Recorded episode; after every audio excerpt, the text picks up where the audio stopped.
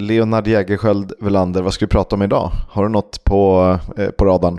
Alltså innan vi börjar prata om den kära fotbollen vi ska prata om, eh, så vill jag bara ta fram den här spaningen kring Afrikanska mästerskapen. Som i alla fall du vet, eh, Kisk, och som Kevin vet, så är jag svag för den afrikanska landslagsturneringen som pågår nu. Jag tittar ju så mycket jag kan på den.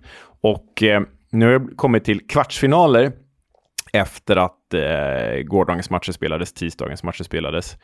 Och det är så, upptäckte jag, att årets kvartsfinalister i turneringen, de åtta kvartsfinalister som är klara, är åtta helt nya lag jämfört med kvartsfinalen för två år sedan. Alltså alla åtta kvarts, kvartsfinallag från 2022 är eliminerade och det är åtta helt nya kvartsfinallag i Afrikanska mästerskapen. Det kan ju typ aldrig någonsin har hänt, eller? Nej, nej. Det är ju för mycket, eh, utan en värdering, stormakter inom fotbollen. Så att du, kom, du kan ju alltid få ett Marocko, eller ett Senegal, eller Turkiet, eller förr Kroatien som då var ett rätt yng, eh, ungt eh, fotbollsland. Eh, men du får ju inte tre, fyra stycken sådana eh, ens. Nej, alltså, och jag, jag har inte hunnit kolla om det här stämmer, men, men känslan är att i liksom alla kontinentala eh, landslagsturneringar, alltså afrikanska mästerskapen, EM, asiatiska, Copa America och så vidare, plus då VM. Så det, det, kan aldrig ha hänt att det varit åtta helt nya kvartsfinalister. Och det är ju så här jag tänker att en fotboll som mår bra ut ska se ut. Nu vet vi att fotbollen inte är bra, det här är ju bara en liksom freak accident. Men, men jag blev glad när jag såg den då. Åtta helt nya. Det blir blir ju lite som NHL var tidigare. När eh, efter tre säsonger så kunde du ju ha samlat på dig så pass många draftval att du plockade in tre riktigt bra spelare och sen helt plötsligt var du topplag. Fast du hette ja, Tampa Bay Lightning till exempel och eh, innan hade varit helt uruselt. Exakt. Ja, eh, afrikanska är kul. Jag, jag tycker det har krockat ganska mycket med eh, engelsk fotboll i och med att det har varit rätt mycket fa Cup fotboll och eh, en hel del Championship och nu dessutom en riktigt rörig ojämn eh, omgång. Eh, så att eh, jag har, fått, jag har haft svårt att, att, få tiden att titta eh, på eftersom jag har en podd att rapportera i. jag förstår det. Jag kan meddela dig att eh, det inte varit så många eh, Championship-spelare igång ändå, men Grady Diangana har fått sin speltid i vad som skämtsamt kallas för Dr. Kongo, Demokratiska republiken Kongo. Dr. Kongo, det var, det var faktiskt ganska roligt. Eh, vi ska släppa afrikanska, vi ska gå in eh, mot England. Eh, det blir ju lite Championship och FA-cupen. Mindre än en månad kvar till vi drar och ser eh, Leeds och Blackburn bland annat på plats i England. Det ska bli fantastiskt roligt. Eh, vi ska inte tjata mer om det, men Eh, man ser ju fram emot reaktionerna på This is England Part 2 avsnittet. Eh, förra blev ju succé enligt många. Ja men verkligen, då vi ska göra vår reseberättelse där vi ska prata in i mickar på pubbar och på läktare och även intervjua våra medresenärer, eh, några av dem i alla fall, om känslan där. Och hörni, har ni missat möjligheten att följa med på den här resan så hoppas jag att vi kan göra en ny nästa säsong. Oroa er inte.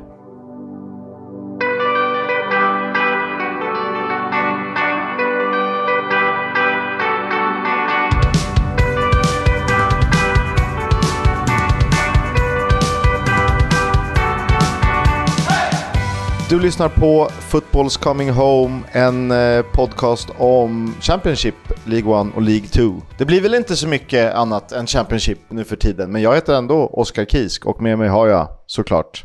Eh, fortfarande Leonard Jägerskiöld Welander. Vi kan väl kort nämna att den match som vi inte riktigt hann med att få in förra veckan eh, mellan Leeds och Norwich slutade 1-0 sen Patrick Bamford i och med den matchen gjort fyra mål på de fem senaste och Leeds då fortsatt etablerade i toppstriden. Mm, vi behöver inte fastna mer så det känns Nej. som gammal skåpmat. Men eh, lite eh, vägdelsmatch för Leeds där som, eh, som ju valde rätt väg så att säga för att haka på Southampton där i toppen. Torsdagen bjöd på en fa Cup-tillställning. Den spelades mellan Bournemouth och Swansea. Den slutade 5-0. Vi behöver inte djupdyka den mer än att David Brooks, eh, nu tillbaka i Championship, eh, tillsammans med Dominic och Solanke och Alex Scott, eh, tidigare bekantskaper som vi har fastnat vid, eh, gjorde fina intryck i den matchen för Bournemouth då alltså, eh, som i sin tur gjorde mål på samtliga skott på mål. Så att eh, effektivitet är en nyckel. Ja, men verkligen. Och eh, nästan skönt för Swansea att åka ur FA-cupen. För jag menar, så svajiga och dåliga som de har varit den här säsongen så är det nog bara bra att dundra ur där med buller och bång. Fredagen bjöd på två fa Cup-matcher. Den första mellan Bristol City och Nottingham Forest. Den slutade 0-0. Det var 0-2 i skott på mål, men positiva rapporter från Ashton Gate, vilket jag tycker de tog med sig in i veckomatchen. Så det blir om att spela om en vecka. Mm, och har jag rätt där, Kiss, när jag säger att om Bristol City lyckas slå ut Nottingham Forest, då är det Manchester United som väntar nästa omgång? Det kan säkert stämma. Eh, jag har inte det i jag huvudet. Jag tror att det är så. Mm. Kul. Jag tror att det är så. Vi säger att det är så. I den andra matchen så var det ju poddens favoritlag mot din lilla outsider för topplaceringar i ligan då, men de möttes i FA-cupen. Mm, Sheffield Wednesday mot Coventry möttes alltså igen. De möttes ju nyligen i ligan. Det blev 1-1 här i FA-cupen och eh, som du så snyggt har formulerat det, Kisk, ett pyrruskryss eh, Eh, för två lag som ju behöver färre matcher i sina respektive säsonger. Men återigen så kom den här matchen att handla om eh, ja, Casey Palmer. Ja, eh, jag vet inte vad de håller på med för någonting. Det känns ju Wednesdays. Känns ganska eh, tillåtande publiken då överlag. Ja, ah, det har ju varit jävligt stökigt den här säsongen alltså tyvärr. Det, för er som har missat det, så när de möttes nyligen i ligan så utsattes ju Coventrys Casey Palmer för eh, ja, men ras rasistiska tillmälen och eh, liknande från några idioter på Sheffield Wednesdays läktare. Och nu när han då återvände ett par veckor senare, eller typ en vecka senare, eh, så utsattes han åtminstone för burop av typ hela hemmapubliken och det känner jag fan, det är jävligt osnyggt. Alltså, ni ska inte stå med era jävla rasistiska läktarpolare, ni måste stå bakom Casey Palmer här, för rasism går liksom, det går över laggränserna, känner jag. Som man, som man brukar säga, släpp det. Släpp det, idioter. Ja. 1-1 slutade matchen i alla fall, eh, så det blir ju omspel även där. Vi går vidare till lördagen. Där fick vi se två Championship-tillställningar. Eh, den ena mellan Millwall och Preston North End. Den slutade 1-1. Mm, var du vaken på Gaffer här, Kisk? Eftersom att det var eh, så få matcher ja. som spelades. Ja, det som är lurigt med Gaffer är att ibland har jag en bild av att dina eh, dina eller ens eh, bänkspelare automatiskt inte byts in. Är det så? Nej, men de byts in automatiskt om ja. de ovanför inte spelar. Ja, men då är det lugnt. Eh, för att jag eh, bytte in två spelare från Coventry som jag eh, såg spelade, som jag trodde skulle göra poäng. Nu gjorde de ingen människa lycklig eftersom jag valde Callum O'Hare istället för Tatsuhiro Sakamoto, vilket vi kan återkomma till. Men ja, jag har ändrat om lite så att de spelare som spelade var uttagna. Så jag tror väl att jag får ett okej resultat. Ja, jag eh, ska slå mig själv på axeln här och skryta lite, för jag körde ju den här eh, specialgrejen som heter underhaul, att man får byta sin startelva i en omgång och jag bytte typ, eller byta sin trupp i en omgång, jag tror jag bytte 11 av 15 spelare. Eh, och eh, och jag fick, jag fick typ så här 135 mest poäng i hela omgången. För jag lyckades träffa rätt med just vad det skulle komma till. Sian Fleming bland annat som gjorde mål för Millwall, han spelade för mig. Jack Clark träffade rätt med. Jag träffade rätt med du vet så här fem målskyttar typ. Och det var ju tur, det har aldrig hänt förr på det här spelet. Vad, eh, vilken poäng pratar vi? Eh, det var inte så mycket ändå. Det var kanske 90 någonting, 80 någonting, något sånt. Ja men det, det är bra ändå. De är luriga de där. Det gäller att ta ut sina, eh, sina bonusar tänkte jag säga, wildcards. Exakt, så heter det. För det var ju faktiskt så att Sian Fleming, The Bermondsey Bergkamp, gjorde sitt första mål sedan 28 oktober. Ja, men det behöver Millwall. Vi pratade om honom förra säsongen som är en av säsongens bästa spelare. Det har han ju inte varit eh, i år. Han har inte ens varit Millwalls bästa spelare. Har Millwall haft en bästa spelare kan man ens fråga sig. Eh, det var i alla fall härligt att se The Bermondsey Bergkamp sätta ettan, men det skulle ju tyvärr inte räcka eftersom att Brad Potts, som har förmågan att bara göra snygga mål, gjorde just mål för PNI. Mm. Och det var ju lite på grund av, slash tack vare, Jaffet Tanganga, Tottenham Legend. Han eh, spelade från start till höger i Millwalls tredje, eh, trebackslinje. Eh, där är en position jag tror att han eh, passar bäst i. För att han är ju liksom både högerback och mittback, men det är där jag tror han skulle funka absolut bäst. Eh, dock ingen rolig start här för att hans misstag ledde ju till det där kvitteringsmålet, men eh, skam den som ger sig. Jag tror att han kommer växa in i det där med tiden. Mm, det här innebär alltså att det är fyra raka utan seger nu för Millwall, FA-cupen inkluderad. Vad hände? Det gick ju så bra och så går det dåligt igen. Det gick dåligt och så gick det bra ganska kort och så går det dåligt igen. Vad gör ni Millwall? Äh, det är rätt tufft att ligga på 16 plats och så här. Förvisso bara egentligen 10 poäng upp tills det börjar bli playoff-diskussioner. Så att, vet, gör man 5-6 bra omgångar, ja men då är man ju där och nosar. Men det är, det är många lag att passera också, så att det är klart det känns motigt. Ja, nej, så är det ju. Vägen Sampa Road vid The Den bytte ju officiellt namn till John Berylson Way för att hylla Millwalls bortgångne så populära ägare som ju eh, omkom i en bilkrasch eh, för inte så länge sedan. Hans son som har tagit över rodret eh, var då den som fick avtäcka skylten. Mm, fint, symboliskt fint, så ska det vara. Rödvitrandigt derby eh, pratades det om. Jag spikade ettan i den här matchen där Sunderland besegrade Stoke med 3-1. Mm, och eh, äntligen fick de jubla lite under Mick Beals ledning, Stadium of Light. Målskyttarna, de, drar man inte riktigt ur hatten. Alltså Mason Burstow, Abdullah Ba, hur ofta gör de mål? Pierre Ekwa har vi sett göra mål någon gång tidigare, men eh, som eh, vi har noterat här i körschemat, de är alltså de två första målskyttarna, Burst och Ba, de är 20 år gamla medan Pierre Ekwa är 22 år. Vi ska inte säga gamla, vi ska säga unga. Det säger ju någonting om det här laget. Eh, verkligen. Jag kollade eh, snittåldern i den här startelvan som de använder nu. Då. Den är ju 22 år eh, på pricken. Otroligt. Det är, ah, fy fan vad, det är ju imponerande. Ja, det är ballt. Eh, det känns ju otroligt bra. Ah, eh, Abdullah Bado, 1 plus 2 i den här matchen där jag tyckte Stoke var ändå helt okej, okay, ganska bra. Eh, Sunderland mer effektiva, mer spetsiga framåt. Ja, och som vi var inne på då, Mason Burstows första mål för Black Cats, Chelsea-lånet då. Mm, där eh, Jude Bellingham var avstängd för Real Madrid, vilket betyder att han befann sig på Stadium of Light. Och det är lite kul för att hans eh, tröja hänger i taket, om det nu hade funnits ett tak, på um, St. Andrews. Han är ju Birmingham Legend, eh, trots att han inte gjort så mycket. Men eh, han kollar ju hellre på brorsan här då. Ja, men det är fint ändå att han drar dit och eh, kollar på brorsan. Vi Vill säkert värva honom också, kan jag tänka mig.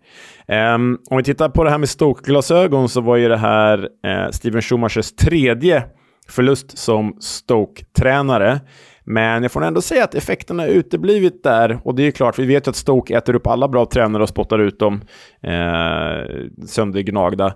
Han har alltså åtta matcher nu som, eh, som manager för Stoke. Två vinster, tre oavgjorda, tre förluster. Mm, mm, mm. Ja, men det där är ju ett, eh, ett sorgebarn som bara går en väg till mötes. Ja, så är det. Vi ska prata lite FA-cupen. Ipswich föll hemma mot Maidstone med eh, siffrorna 1-2. Men, och det är ju fantastiskt på alla sätt och vis, men vi kan väl börja med att prata siffrorna. Ipswich har alltså 78-22% i bollinnehav. De har 38-2 i skott, 13-2 på mål och 11-0 i hörnor. Det är liksom, det, alltså, jag, har, jag tror aldrig jag har sett eh, i de matchrapporter jag läst att ett lag har fått iväg 38 skott under en match. Så som då räknas som avslut. Nej, men det är ju jävla hockeysiffror ju. 38 gör alltså ett mål och Maidstone sätter båda sina. Och för er som kommer ihåg vårt förra avsnitt där vi pratade FA-cupen, då var det ju så att Maidstone skrällde och jag kommer inte ihåg vilka de slog ut då, men, men de slog ut ett League One-lag om jag minns rätt. Maidstone är alltså från motsvarande sjätte divisionen, eller hur? Ja, de, är, de åkte ju ur National League, vilket gör att de spelar i National League South nu, ja. eh, som är uppdaterat. Och det är, ja. Sjätte divisionen. Tränas då av George Elokobi, denna mycket sympatiska man som vi lyssnade på för ett par avsnitt sen, den gamla Wolves-vänsterbacken. Men eh, såg du, Kisk, sen eh, FA-cuplottningen som Maidstone la ut? De la ju ut reaktioner på George Elokobi, spelarna och fansen som stod tillsammans när fa Cupen lottades. Såg du det?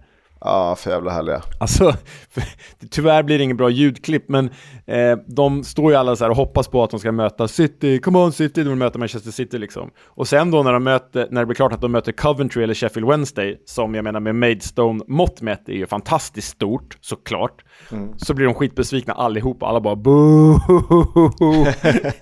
liksom säsongens match och de är besvikna. Uh. Tyckte jag var roligt. Ja, det är härligt ändå. Ja. Superhärligt kul. Eh, the Magic of the Cup. Vi kan väl inte säga mer än så. Leicester besegrade Birmingham, tog sig vidare ganska bekvämt med 3-0 trots rätt eh, rejäl rotation. Ja, rejäl rotation, men det vi kan säga här att Jamie Vardy gjorde sin första match från start sen skadan. Han hoppade väl in i sex minuter i föregående match. Hans första match från start sen skadan och gjorde då förstås 1-0. Så eh, det är kul med Vardy tillbaka. Framspelad av Mark Albrighton och då, det, det kittlar ju i den Leicester-nostalgiska tarmen. Ja, det gör det verkligen. Övriga målen gjordes av Yunus Akgün och Dennis Prätt. I mål för Leicester var Jakob Stoalsrik Stolarczyk. Eh, Stolarczyk eh, ska vi säga. Eh, de roterade alltså rejält mot ett Birmingham som var mer ordinarie, som hade siffrorna på sin sida men som inte lyckades få hål på polacken i Foxes målet. Leeds Plymouth slutade 1-1 eh, och det var Jadon Anthony som gjorde målet för Leeds och han dedikerade målet till sin nyligen bortgångna mor efter en fin soloräd. Ja, och det var ju liksom sorgeband och hela grejen där för Leeds. Så nej, men fint att eh, man kunde lösa det på, på det sättet. Sen skulle då kvitteringen komma genom Adam Randall för Plymouth och det här innebär ju att det blir ett omspel även mellan Leeds och The Pilgrims. Mm, även om Leeds borde avgjort det. Det spelades ett, eh, ett deppigt möte på söndagen i eh, inte så deppiga serien Championship mellan eh, QPR och Huddersfield kryss även där. Många 1-1 matcher. Ja, och vi pratade ju inför den här matchen att det äh, var av vikt för tabellen att Queens Park Rangers skulle vinna den här, för då hade de liksom kommit upp eh, på samma poäng som Huddersfield, eller kanske gått, gått om med en poäng. Hade Huddersfield vunnit så hade det ju liksom blivit en ganska tydlig bottentrio där, och det vill vi inte. Vi vill, vi vill ha det roligare bottenstriden förra året. Och nu gjorde ju liksom Jack Rodoni 1-0 till The Terriers Huddersfield i 86 minuten och då kände jag så här, fan, inte för att jag såg matchen men jag såg, hade liksom livescore-plinget. Ah, fan, nu blir, det, nu blir det en sån där bottentrio. Men! Kenneth Paul, inbytt min gaffer 11, kvitterar i 90 plus för Queens Park Rangers. Mycket viktigt för all, allihopa på alla möjliga sätt, förutom för Huddersfield förstås. Ja, och det målet eh, gav mig 11 poäng i Gaffer om han nu blir inbytt som reserv och kostade ju Darren Moore jobbet. Vi ska prata mer om det eh, lite senare i det här avsnittet. Mm, sex raka segrar. Eh, sex raka utan segrar för Huddersfield i alla turneringar. Men det blir ändå det blir så jävla hårt när de ändå löser det här viktiga krysset, för det var det ju i bottenstriden. Det enda de inte behövde göra var att förlora och det gjorde de inte. Ändå fanns sparken. Ja, det är hårt. Ja, det är hårt. Eh, Huddersfield har fyra raka matcher mot QPR utan att förlora. Två har slutat 2-1, två har slutat 1-1. Eh, vad det nu betyder för någonting.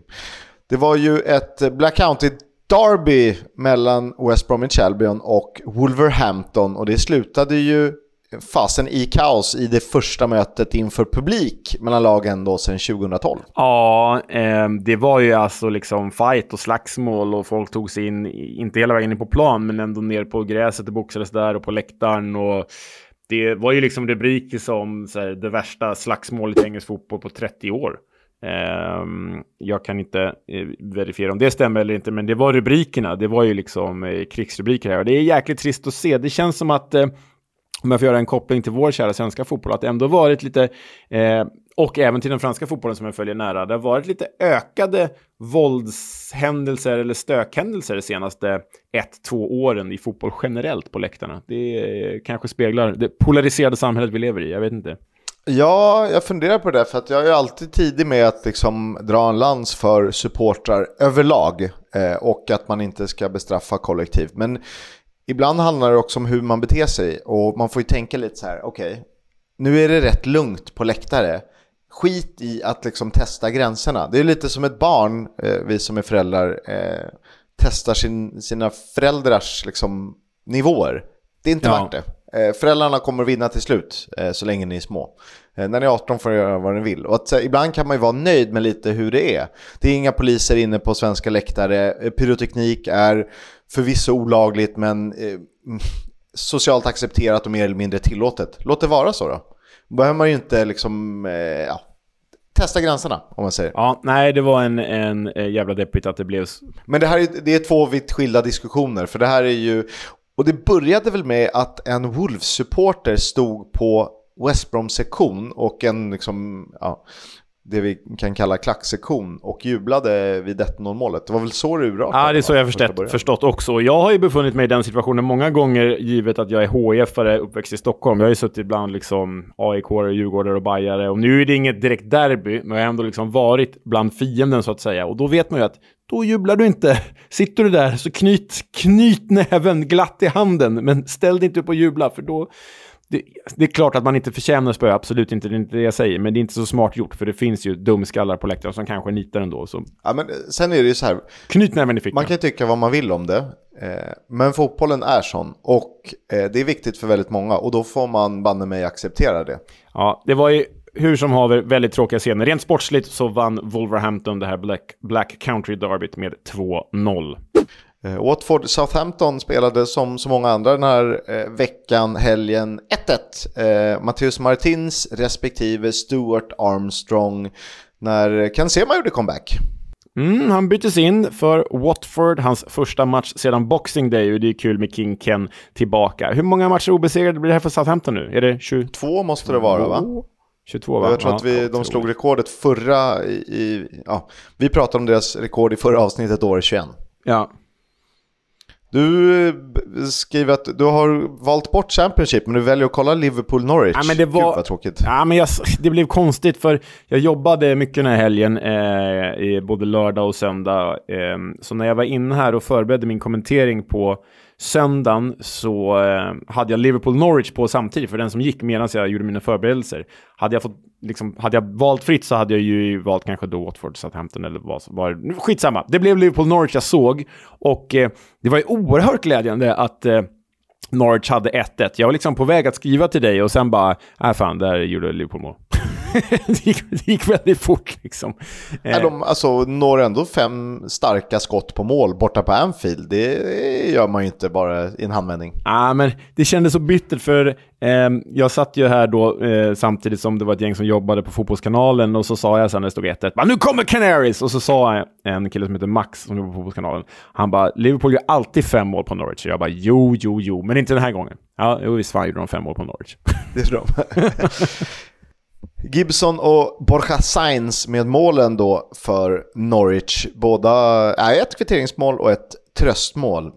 Och du pratar om att skriva till mig eh, saker man tror på men som sen inte sker. Eh, på måndagen spelade ju Blackburn och Rexham en eh, FA Cup-fight och Rexham gjorde 1-0 och i ett försvar mot Leopold Wahlstedt som ju inte stod i den här matchen så tänkte jag skriva haha, där var er fortsatta uteblivna effekt av att byta målvakt? Eh, när Rexham gjorde 1-0, sen gjorde Blackburn fyra raka och vann det där tämligen bekvämt.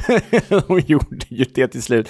Äh, nu verkar ju, nu kuppen en grej, men det är synd att Pierce verkar vara, eh, att de sätter honom som första keeper nu för att reda ut det här. Känslan är ju att Blackburn inte reder ut det ändå, så att de inte riktigt spelar så stor roll vilken målvakt de sätter där till slut. Det, det, det känns ju som att Jon Dahl Tomasson kan vara en av de nästa tränarna att få sparken faktiskt. Men här var ändå en klar Victoria mot ett, eh, ska, vi, ska vi säga överexponerat Wrexham?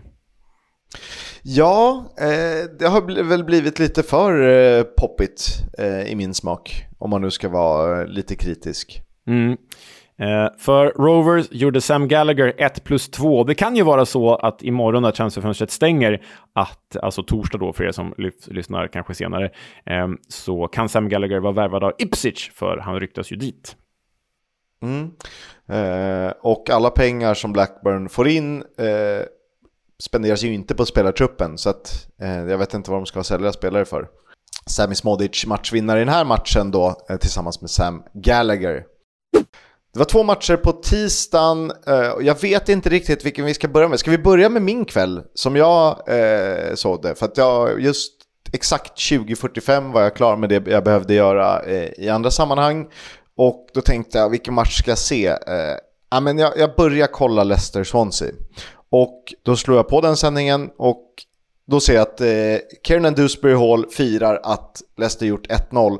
Så då slår jag över match direkt till Coventry Bristol City. Där det, ja men det gjorde jag nog rätt i för att jag kände att så här, Leicester kommer aldrig tappa det här. Det är väl alltså en tidig ledning i, i matchminut tre det, det tappar de inte mot många lag i den här serien. Så Coventry Bristol City var den jag eh, ägnade mest tid åt. Eh, slutade 2-2. Mm. Slutade 2-2 i en fight som Ellis Sims till slut räddade poäng åt Coventry. Det var ju så att Bristol City vände 0-1 till 2-1 i den 83 minuten, men så kunde Ellis Sims stå för en liten tap-in bara tre minuter senare, 86 minuten, 2-2. Men om vi börjar där det började så var det faktiskt Tatsuhiro Sakamoto som satte 1-0 till Coventry. Hans sjunde mål för säsongen. Mm.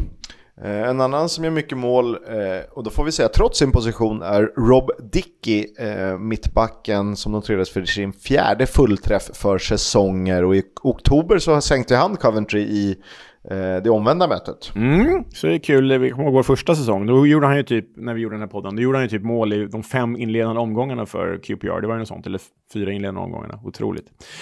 Um, vi sa ju att Nacka Wells gjorde 2-1 för The Robins. Det gjorde han. Det var faktiskt hans första mål sedan september. Och en spaning med Bristol City, Kisk, är att kan Bristol City vara det lag som vi har haft under hela vår poddhistoria som har liksom bytt mest anfallskonstellationer under hela den här perioden? Det har liksom gått från vilka var de hade först? Andy Weiman, Chris Martin och Antoine Semenyo. Och sen blev det Nucky Wells och typ Tommy Conway och Weiman. Tommy Conway, Sam Bell.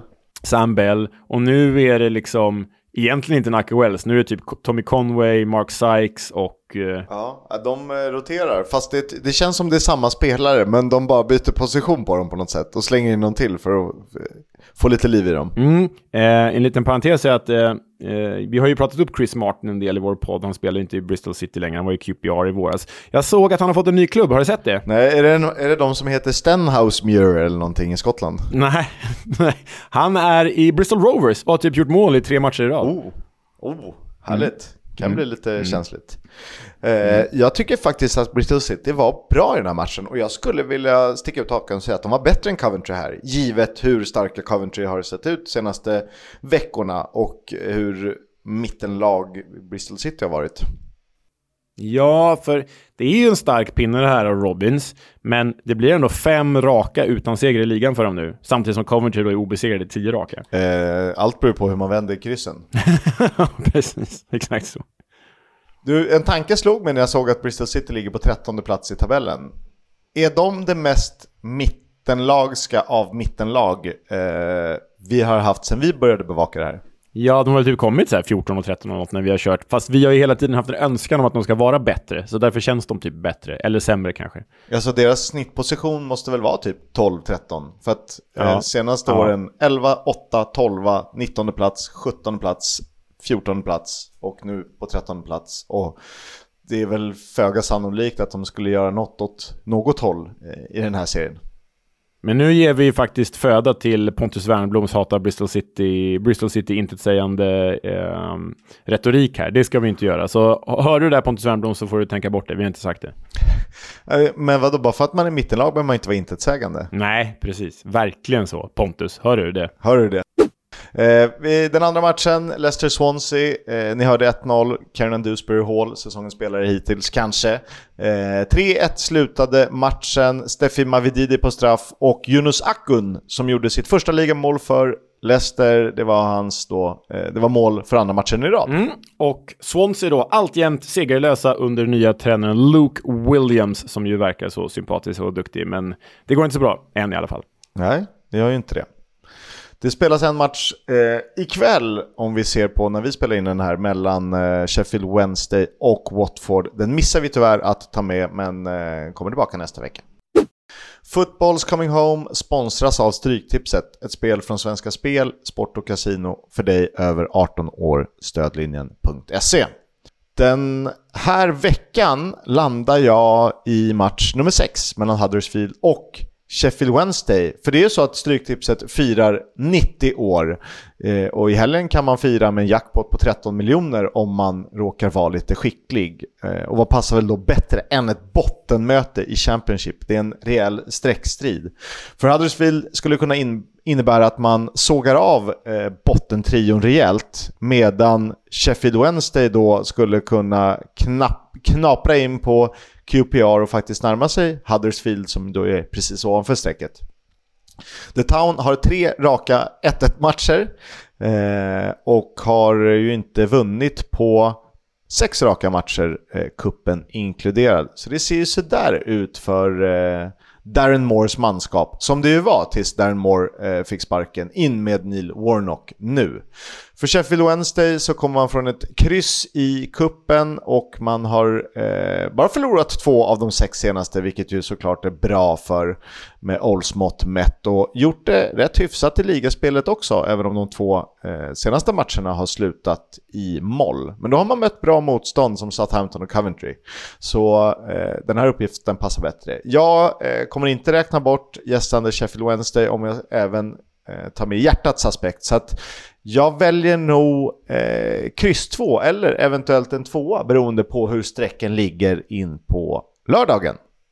Leo, eh, finns det någon mer höjdare att se fram emot i helgen? Det är klart det gör. Eh, mittengänget Bristol City tar emot vårt blivande gäng då Leeds United på fredag på Ashton Gate. Så fredagsfight, det kan vi ju mysa till och smsa varandra med Kisk. Eh, sen är det så att på lördagen 16.00 så är det ändå ett slags Birmingham-derby. West Bromwich Albion tar emot Birmingham City. Och det eh, är ju alltid kul när det blir lite Brummies och Blues-derbyn. Eh, jag såg förresten att Jonas Olsson la ut på Instagram häromdagen när det var West Brom mot Wolves, la han ut ett mål han gjorde i det derbyt. Undrar om han gör något liknande inför det här derbyt. Det får vi se. Jag tror inte han har gjort mål mot Birmingham. Sen på söndagen 13.00 Middlesbrough Sunderland. Det är ju då Mackhams gästar The Smoggies, så det är kul. Sen ska jag lansera ett nytt derby här Kiss, ska se om du köper det. Lördag 16.00 Swansea mot Plymouth i Havsderbyt. Havs för att Swansea och eh, för att Plymouth har en båt som åker på ett hav i sitt klubbmärke. Kevin, du kan klippa här. Vi lägger ner podden med omedelbar verkan.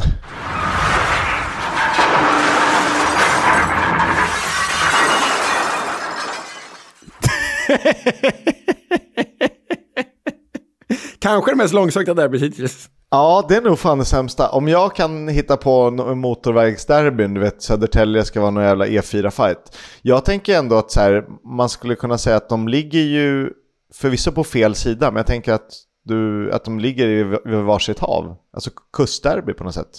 Någon båt Kustderby, ja. Det är lite mer eh, rimligt. Ah, ja, sån, sån är du. Som ni hörde så fick Darren Moore under måndagen lämna sitt uppdrag som manager för Huddersfield. Akademitränaren John Worthington blir interim mot Wednesday. Han har en ganska fin spelarkarriär för The Town. Eh, och jag säger in med Warnock nu, vad säger du? Jag säger också in med Warnock nu, men det vore ju helt bisarrt. Det som gör det hela ännu mer bisarrt är att Huddersfields ägare, som ju twittrade negativt om Darren Moore för typ en och en halv månad sedan, han satt ju i en intervju för så sent som 20 dagar sedan och bedyrade att Darren Moore har hans fulla förtroende. The current manager, keep building from this current base, every transfer window for the next three years. Let me just say this much. I mean, you're talking about the manager? Just let's just put that one to rest. You're not going anywhere right now. So you can keep asking that question, but I'm just going to say right now he's not going anywhere. He's got a job to do and he can do it.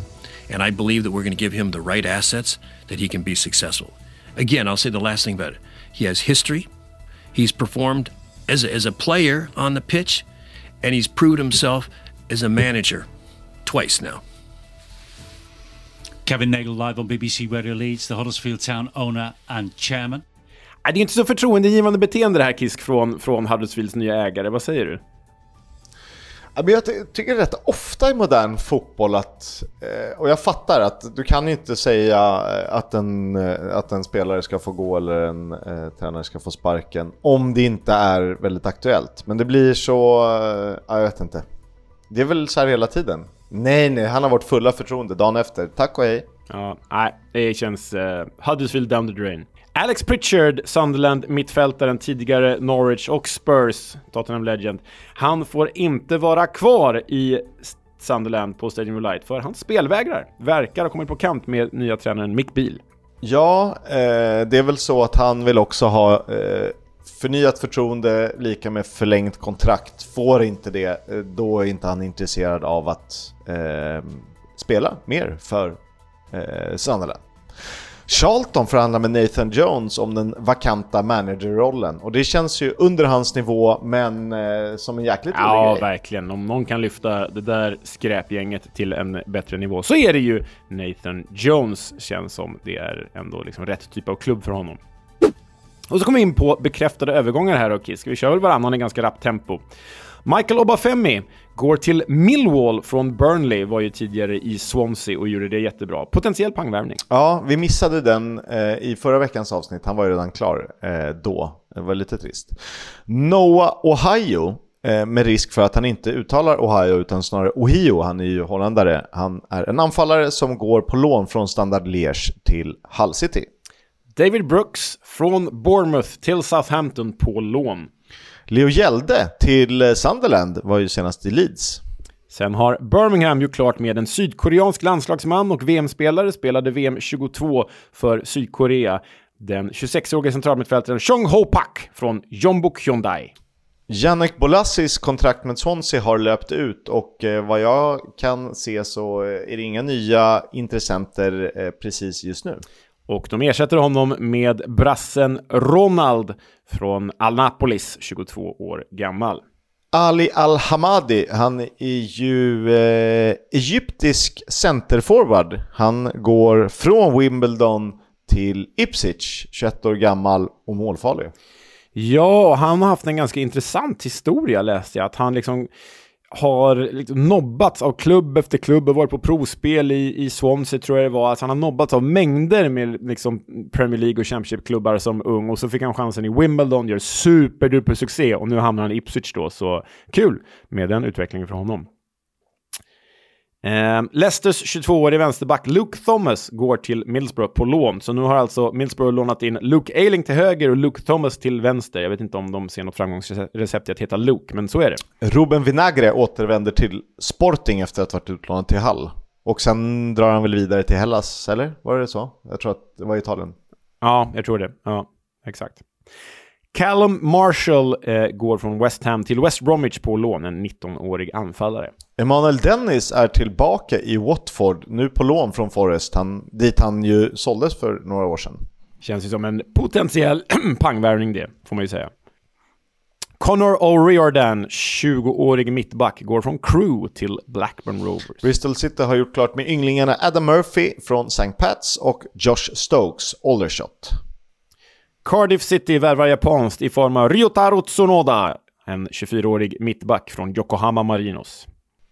QPR värvar den schweiziske landslagsanfallaren Michel Frey från Royal Antwerp. Mm, jag har ju kommenterat dem i Champions League under hösten två gånger och han var ju typ inte ens registrerad i deras Champions League-trupp, så jag vet inte hur bra det är. Men ja, ja, det, han har landslagsmeriter från Schweiz i Ja, alla men fall. det har Micke Dahlberg från Sverige också, så att säg ingenting. Om vi går in på ryktena då, så har Plymouth nekat Lazios mångmiljonbud på Morgan Whittaker och det är ju glädjande. Eh, så är det ju. Men visst var det så att eh, de var intresserade av fler spelare? Var det Jonathan Rowe som också var eh, under lupp? Ja, de får, de får bara lämna våra spelare i fred. Sluta. Eh, Sunderland eh, rapporteras vara nära Standard Lièges Romain Mundell. Tottenham Legend. det är låg ribba för våra legends alltså. Orlando Citys Duncan Maguire rapporteras gå till Blackburn för 2,5 miljoner pund och för oss som kan Venkis, ägarna i Blackburn, så är det ju så att det är ganska mycket pengar för dem. Manchester United är beredda att låna ut Ahmad Diallo till Sunderland om de tar över halva lönen. Och det hoppas vi väl på, för då kan det bli stor show på Stadium of Light den här våren. Sista eh, ryktet vi har för dagen är att Pierre van Hooijdonks son, om ni kommer ihåg Pierre van Hooijdonk, Eurogoals legend, frisparkskung, EM-spelare för Holland, jag tror också VM-spelare för Holland. Hans son i alla fall, Sidney van Hooijdonk i Bologna, ryktas till Norwich anfallare. Han, han hade väl 99 i free kick accuracy på typ PES 5 eller om det var PES 6, jag kommer inte ihåg. Ja, nej, men det var ju, han var ju fantastisk, Pierre van Hooijdonk. Bra namn också. Mycket bra. Eftersom Leo är lat så får ni vänta med Huaria-reprisen till nästa vecka, men eh, jag ska nog kunna bjuda på någonting. Gravison forward.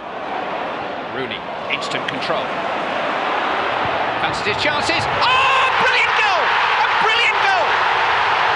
Remember Det tror jag, för det har blivit dags för den här veckans Remember the Name.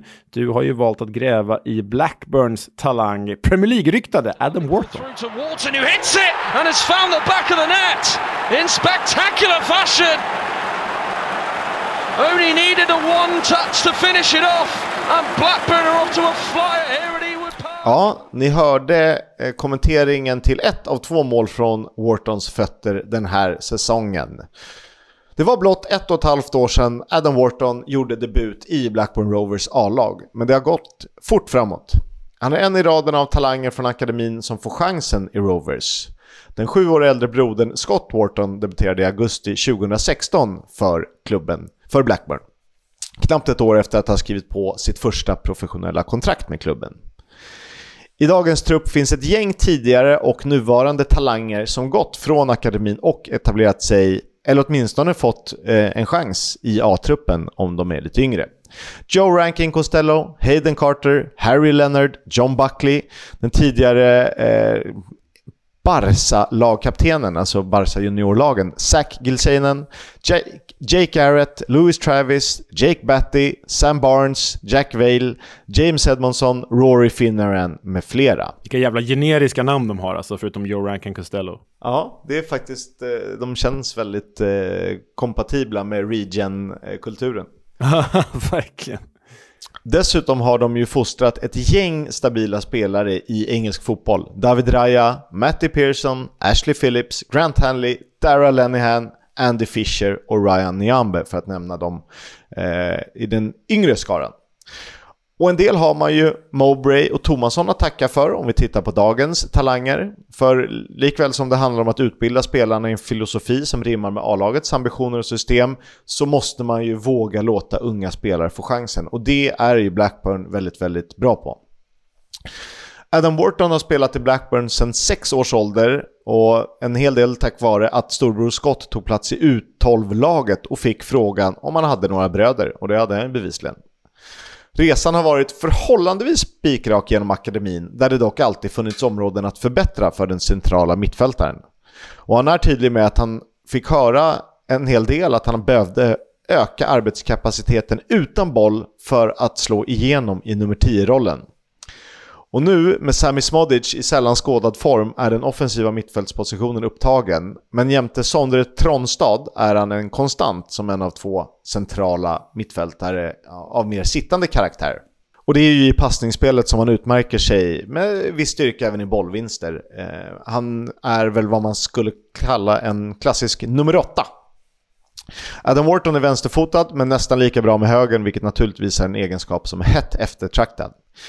I ett lag som vill spela bollen och som haft det som målsättning även i akademin passade Wharton perfekt att diktera tempo lite längre ner i banan. Och han själv säger I like to play deeper, I like to play further up, but I can also thrive in a more box-to-box role. I'm ha happy to play anywhere as long as I can affect the game. Given straight to Adam Wharton who's in here and puts Blackburn in the lead.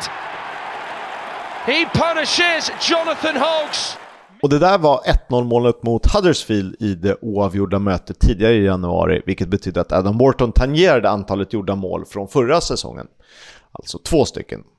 Tillsammans med Rovers-vännen Ashley Phillips tog han, togs han ut i U19-landslaget i september 2022 och efter sex framträdanden där dröjde det bara ett drygt år innan Englands U20-gäng blev aktuellt. Och det känns ju bara som början på en landslagsmässig karriär. Av ordinarie spelare i Championship under 20 år är det bara fem spelare som varit bättre om man tror Who Scoreds siffror. Och av centrala mittfältare i samma ålder är det ingen som slår honom. Så nog har han varit viktig för Blackburn i behov av ledare på planen. Tidigare har både Tottenham och Chelsea sagts visa stort intresse för lillebror Wharton. Men under tisdagen kom uppgifter om att Crystal Palace har gjort klart med Blackburn om en övergång värd 22 miljoner pund.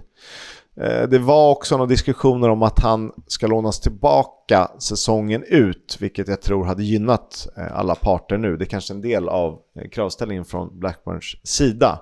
Ehm, han har genomgått en medical under tisdagskvällen och sades fortsätta med den även under onsdagen. Så kan nog bli klart, kanske till och med innan det här avsnittet är ute. Och det här är egentligen första gången som Blackburn Rovers på rätt länge ta riktigt bra betalt istället för att vänta ut en deal.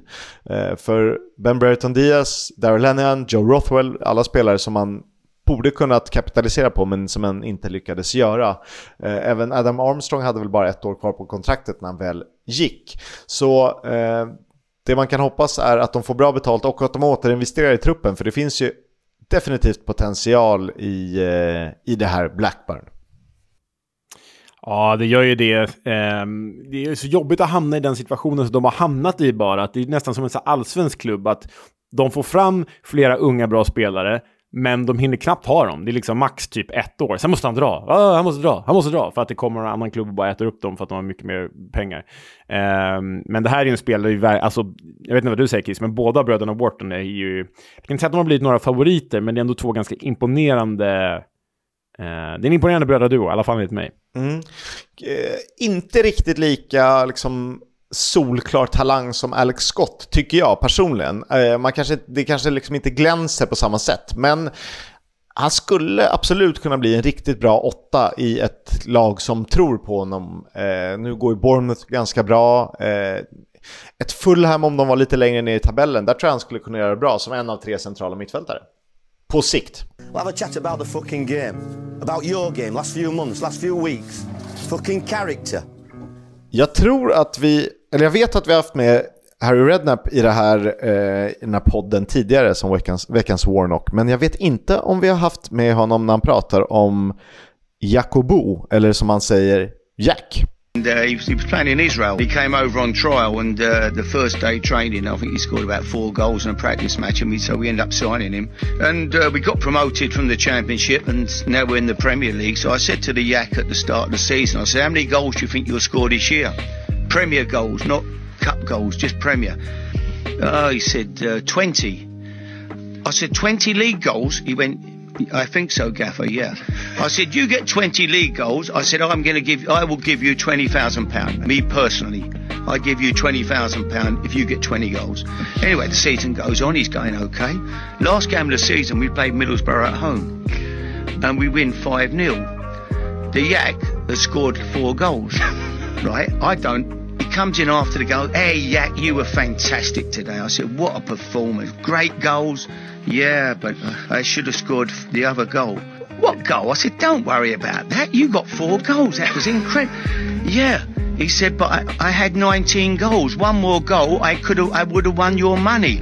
I went, oh my God, I didn't realise that. I said I would have subbed you up well before the... I, no, I said no way would you have stayed on the pitch. I'd have had you off there straight away. Alltså jag hade ju inte eh, sett eller hört den här innan du la in den i veckans avsnitt Kisk. Och jag blir glad på så många olika sätt. För att dels är storyn rolig, Rednap är ju en rolig berättare liksom. Men, men... The Jack, jag visste inte att han kallades för det heller, det är också ett fantastiskt smeknamn. Men för mig, Yakubo Ayegbeni, det här var ju en av mina absoluta favoriter. Att du la in den här, ja det bara värmer mitt hjärta och ser de här Yakubo-målen. Kanske framförallt eh, en av mina favoriter från när han spelade i Blackburn. Han gjorde någon jävla tap-in-mål yttersida mot Arsenal som var helt sjukt, kommer jag ihåg. Äh, det här är en ja, klar favorit. Det värmer i hjärtat att få både se och höra honom. Och visst är det han som svarar för en helt sanslös miss i Nigeria ja. Det Vilket som VM? Är det 06 VM. eller? Nej, Lagerbäck, 2010. 2010. Ja. ja. det är ju... Ja, det är svårare att missa än att göra mål där. Eh, ja, ja, nej, sätter han den så går ju Nigeria vidare i gruppen. Ja, den är mörk. Fan, jag saknar Harry Redknapps röst. Han har något... det, det, är något han sprider något lugn eh, omkring sig. Och han tar allt med en klackspark. Har vi verkligen gett upp på att få Neil Warnock och Harry Redknapp som gäster till, till podden? Jag tror nästan det är som att inte ens Darbys fucking jävla Sonny Bradley vill ställa upp i podden, men det är en annan historia. Eh, jag, kan, eh, jag kan se, hur många steg är vi från Harry Redknapp? Så jävla långt kan det inte vara. Nej, men det, man känner väl alla i hela världen på sju stegar va? Det är väl sådär? Ja. Är det inte så? Eh, vi får se. Kul! Eh, vi har börjat med kortare avsnitt, helt eh, knasigt. Det är inte likt oss. Ja, men det är, för, det, det är för att jag eh, missade att göra Huaria. den här frågesporten vi kör. Mm. du har mycket att göra nu. Huaria, vi ska ha Leeds i uh, The Club. Ja, det är stressigt. Mm. Ja. ja, tack för idag Good life.